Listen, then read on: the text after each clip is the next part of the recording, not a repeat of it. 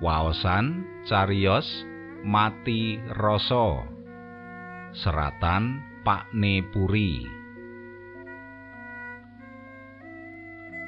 Aku ora arep sambat meneh. Bosen kesel. Panggersahku sak suwene iki tak rasa tanpa guna. Cukup tak simpen primpen dhewe najan nambahi seseking dodo kangguku kuwi isih luwung. Tinimbang ngoceh merana mrene nganti muruh cangkemku. Jebul telakku jebul tiwas diprekake wae. Harak malah nambahi soro yen sak jagat iki isih ana wong sing merduli kira-kira ya mung bojoku. Dheweke tak temu sakwise padha-padha kena garuk awan kuwi sak kompi satpol PP gegaman kentes ngobrak pasar. Kaya tikus weruh kucing. Sakehing bakul oproan kang ngebaki dalan sakal pating bilulung. Sinambi nyaut dagangan sak kecandake digawa melayu ora wurung sak wernane janganan bumbon. Tahu tempe sing dicoba dislametake padha tiba pating plenyek kepidak-pidak.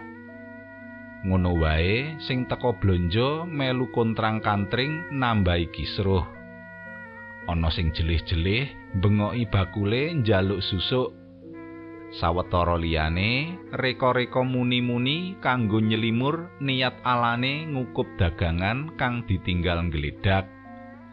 Cekake suasanane persis kidungane dagelan. Mbang mawar, kembang juwawut, pasare bubar, kirene mawut.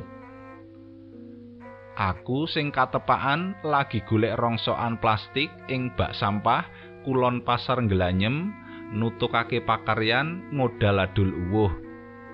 Suara gumerah gegeran mau babar pisan ora dak rungu. Pancene kupingku kaya-kaya tambah budek Setahun kepungkur, aku ditempilingi satpam komplek real estate mewah. Aku diseret menyang pos, dipeksa ngakoni apa sing ora tau dak tindakake, nyolong manuk.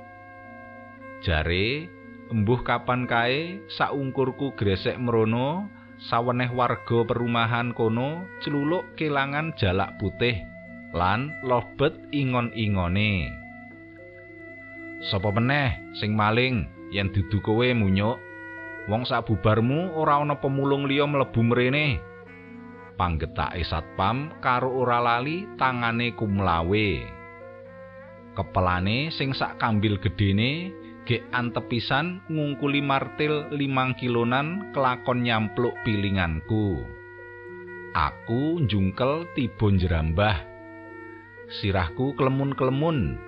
Kuping bengung. Saplok kuwi pangrungonku budek. Selagine ketungkul golek rongsok, awakku dadakan kontal nganti kejlungup menyang pawuhan. Rumangsaku kaya bar diseruduk bis. Ketayalan tangi, aku weruh ana cah wadon melungker neng sanding bak. Sajake dheweke lagi mentas nabrak aku sak kayange. Sak temah wong loro padha dene krungkepe. Damput krama inggilku keprojol. Wadon kuwi mesem. Pisuhan bacute kepeksa dak ulu nganti meh keselak. Selawase urip lagi pisan iki aku diesemi. Wedok meneh. Umume wong pasang ulat ladak saben weruh tekaku mripate melilik kebak prasangka ala. Babu-babu prawan sing nembe momong ana latar gedandapan ngancing regol omah. Para miarsa kados pundi cariyos candhaipun sumangga kula aturi pinara wonten channel YouTube Radio Siaran Jawi. Matur nuwun